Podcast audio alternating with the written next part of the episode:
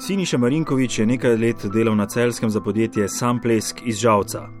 To mu še vedno dolguje več tisoč evrov, kar Siniša dokazuje s po njegovem mnenju točnimi dnevniškimi popisi vseh upravljenih nadur.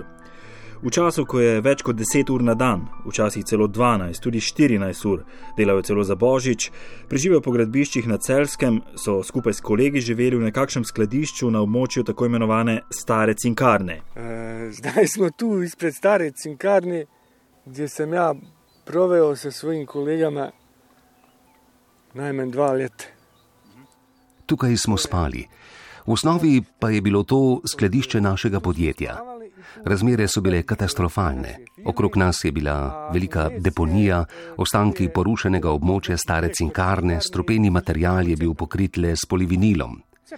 Celjani so se pritoževali, da ga je treba odstraniti, in ko so začeli sanacijo, so material drobili in odvažali s kamioni. Kadilo se je, da zunaj nismo mogli sušiti perila. Ko sem se zjutraj zbudil, je bilo na meni toliko prahu, kot da bi delal v rudniku. Uh kad priđe ujutru, kad ustaneš i kad uh, ideš da se umiješ, ti kao da si delo u rudniku, a ne da si spavao u sobi. Pod nadstreškom lope je nekaj manjših lončkov zemljo, iz njih raste solata, morda zelišča. Vse kaže na to, da si delavci tudi kaj skuhajo. Vrtni stoli pod nadstreškom so umazani. Na lesenem stebru lope je pribita zarjavela podkov, za srečo v nesreči. To je. tu stoji već odavno za sreću, mada mislim da u ovoj firmi nema sreće. Jedino ima za, za tog vlasnika, za delavce ne vjerujem. V notranjosti so si uredili majhno kuhinjo in kopalnico, vendar je bilo vse staro. Nekoč jim je po zimi počila cev in niso imeli gretja. Deset dni so bili na mrzlem. Kako dolgo ste tukaj živeli? Pa ja mislim neka dva leta da sem proveo tu.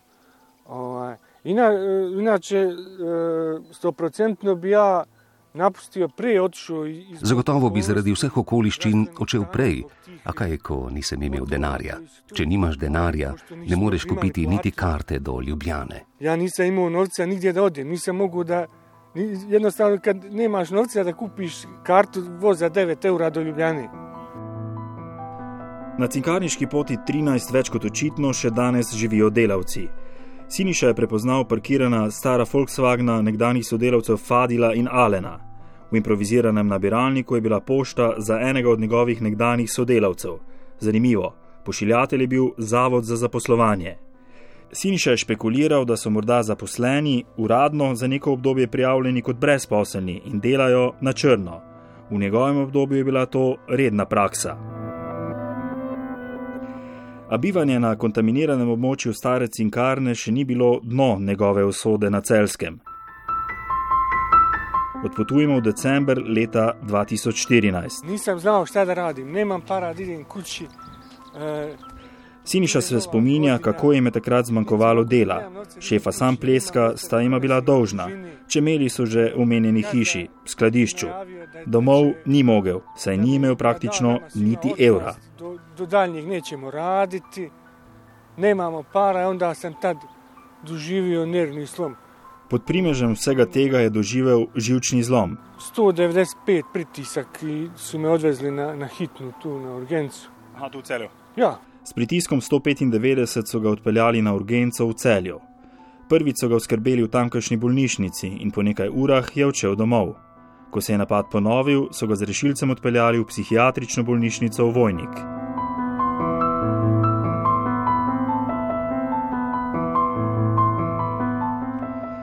Z celske stare cinkarne se odpeljemo proti Vojniku, parkiramo pred psihiatrijo. Počasi se sprehodimo po lepo urejenem parku, Zgodnja pomlad je, drevesa cvetijo, diši, sončen dan je, sedemo na klop. Siniša se spominja. Ja, kad sem prišel tam v vojnik, eh, bil je eh, stari gospod, psihiater. Eh, Sprejel me je starejši psihiater. Dali so mi injekcijo, da se malo umirim. Ko mi je bilo bolje, me je psihiater vprašal, dobro je govoril srpsko-hrvaško, če sem budala. In pito me fino kaže, šta misliš ti, jesi li ti, kaže, e, budale? Ja, gledam sad, Čudno sem ga pogledal, kaj me zdaj sprašuje, doktor. No, nadaljeval je, da sem bedak, zato ker sem dovolil, da mi delodajalec uniči življenje, da mi uniči družino. Ni šlo samo za denar, tudi za družinske odnose, skrhali so se. Moral biti naprej, jaz pa sem dovolil, da mi prevarant uniči življenje. Pripričal me je, da se ne smem fokusirati samo na 5000 evrov dolga, ampak da moram najti novo službo začeti znova. Prevarant eh, uništi tvoje zdravje in porodice, to je to. Tako da mi je to ostalo v srčanju. Siniša prizna, da je ta skoraj triurni razgovor s psihiatrom pomenil preobrat. Zavedel se je, da si ni vredno do konca uničiti življenja zaradi prevarantov. V vojniku je preživel en dan, Napisali so mu pomirjevala in mu vseeno svetovali, naj praznike nekako preživi v družinskem krogu v Beogradu, ker da ga bo bivanje na psihiatriji čez praznike le še dodatno prizadelo. Vsaj nekoliko pomirjen se je vrnil v hišo, skladišče. Za živčni zlom sta izvedela tudi šefa sam pleska.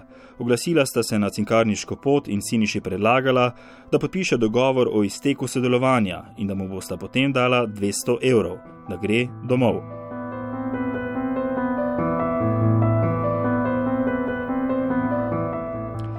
Tako Siniša. Pogovarjali smo se tudi z obema glavnima osebama podjetja Sam Pleski Žalca, ki je že nekaj časa v prisilni poravnavi in v številnih inšpekcijskih postopkih. Richard Kufner in Igor Sanda priznavata, da je zaradi velike gospodarske krize in predvsem neplačnikov njihovih gradbenih del podjetje Sam Plesk zašlo v težave in se zašlo na robu propada. Vseeno zagotavljata, da bodo morebitne dolgove, seveda tiste, ki so v pogodbi in jih bo sodišče priznalo, poplačali. Nekje do leta 2020, ko se izteče obdobje prisilne poravnave. Nikakor pa se ne strinjata, da bi bili njuni delavci podcenjevani. Nasprotno, krivdo vsaj delno valita celo na delavce. Oni so pa videli, da bo, mislim, vsak svoje cifre pokaže. Uh mhm. -huh. Normalno, tako je on tudi pokazal cifre, pa ne vem, rekel približno rečemo, da je 3000 mi dolžen. Ko pa ko jaz potegnem črto, pa rečem, le fanti, ampak tukaj ste pa naredili nekaj, kar ne bi smeli narediti, ali kaj takega, pa tudi nismo noben utrgali. Uh mhm. -huh. V vseh teh letih so bili eh, vem, slabi rezultati na določenih zadevah, pa sem pa tja, ali je to zaradi slabe volje, ali je to zaradi plače, ali je to zaradi čega koli, uh, ampak se to ni delalo. Pogovarjali smo se še s štirimi delavci. Vsi zatrjujejo, da jim sam plesk dolguje vsakemu po več tisoč evrov in da imajo za to tudi dokaze. A nekateri zdaj delajo v Nemčiji, drugi si ne želijo dodatnih težav, tretji so se po bifejih in parkiriščih s šefoma pogodili za vsaj del izplačila. Smo pa potegnili nek, neko črto, pa smo rekli, da ti praviš, da si dolžni to, mi pravimo, da smo dolžni to, da imamo eno sredino vse, kar če si ti zadovoljen, pa da smo mi zadovoljni, se pravi, da je realno, ne, uh, pa je to to. Ne da pa zdaj smo se tudi lepo dobili, zdaj malo slabše. Uh, tudi ti nišo smo imeli pa še hod imeti pogovore, pa je vmes nem zbolel, pa bil v Bosni, sem pa tja, tako da smo težko prišli do njega. Celo v Ljubljano so se enkrat hoteli pripeljati, sam ne vem, kaj pa že bilo. V glavnem presini še malo bolj zakomplicirana zadeva. To je kar običajna praksa, nam potrdi več virov. Delodajalci se zavedajo, da bodo delavci težko dokazali vse nadure. V pogodbah imajo samo minimalne plače, vse ostalo je zelo relativno tudi na sodišču. Zato se včasih pogajajo in delavcem izplačajo nekaj malega na roke, da imajo mir. Skratka, začaran krok, ker delavci ne morejo dobiti pravično plačanega dela. On je meni napravil problem. Ja, ja živim v porodici, skladnoj porodici. 20, Vrnimo se pred psihiatrično bolnišnico Vojnik. Siniša razlaga, da mu je slabo, ko sliši za celje. To obdobje mu namreč ni postilo le finančnih ran, ampak tudi razprtije v družini. Jaz sem na mail pisal svoje črki, da moj gazda, moj delodajalec v tom momentu, da meni duguje nekih uh, skoraj 4000 evrov. Nisem imel denarja, da bi se vračal pogosteje domov. Hčerki sem poslal mail, da mi je delodajalec dolžan 4000 evrov. Ta je poslala mail mojemu šefu, ali je to res, a on je to zanikal, čež da mi dolguje le 500 evrov. Družina je mislila, da živim usporedno življenje. Da bi dokazal, da mi je dolžan, sem moral do novinarjev, do policije. Vse sem moral da pokrenim da bi dokazal, da je on meni dužan te pare in da je on meni malte ne eh, pokušal, da rasturi porodico.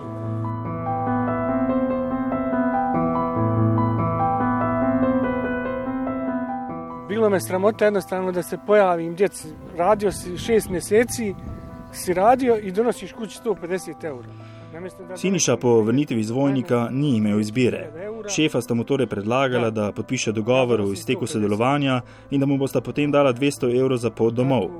Podpisal je in s težkim srcem, trem ščiram in ženi ni mogel kupiti niti simboličnih daril, odpotoval k družini v Beograd, kjer je dočakal novo leto in proslavil pravoslavni božič. Naše vaspitanje in ta ljubav v porodci, ki je tu poznali, ste tu mojo djeco. Tako, mislim, da smo i to uspjeli na neki način da prevaziđemo.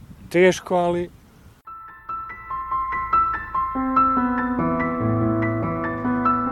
Smo v Kaludžerici, predmestju Beograda, največjem divjem naselju na Balkanu, kjer so najemnine daleč najniže na celotnem območju glavnega mesta Srbije.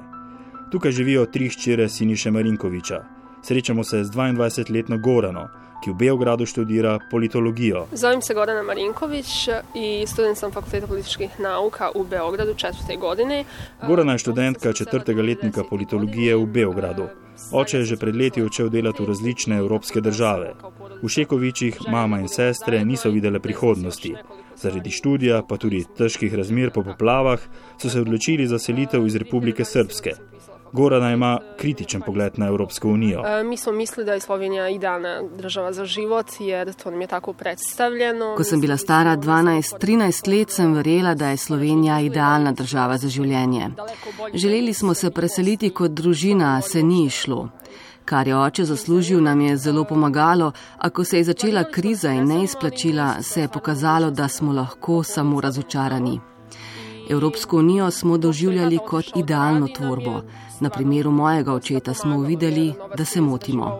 Očekivali smo, očekivali smo dosta više, ali eto, trenutno mogu reći da smo razočarani. E, tato sam vidjela prije nekih par mjeseci, sad ja ću reći u maju, ali... Gorana je očeta na zadnje videla maja 2016.